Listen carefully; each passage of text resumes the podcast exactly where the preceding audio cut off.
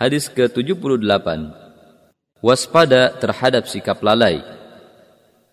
عن ابي هريره رضي الله عنه عن النبي صلى الله عليه وسلم انه قال لا يلدغ المؤمن من جحر واحد مرتين Dari Abu Hurairah radhiyallahu anhu dari Nabi Shallallahu alaihi wasallam bahwa beliau bersabda Janganlah seorang mukmin terperosok ke dalam lubang yang sama dua kali. Hadis riwayat Bukhari dan Muslim. Perawi hadis, lihat hadis nomor 13. Beberapa faedah hadis ini adalah Hadis ini menuntut seorang muslim agar menjadi seorang pribadi yang tegas, cerdas dan waspada, tidak terjerumus dua kali pada masalah yang sama, serta menghindari kelalaian dan berbuat salah berulang kali.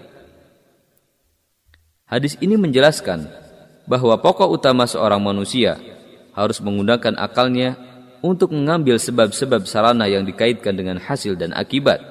Karena Nabi meskipun beliau diberikan wahyu, akan tetapi juga mengambil sebab-sebab. Ia berpikir, membuat perencanaan, menghadapi musuh-musuh dengan berbagai sarana yang memungkinkan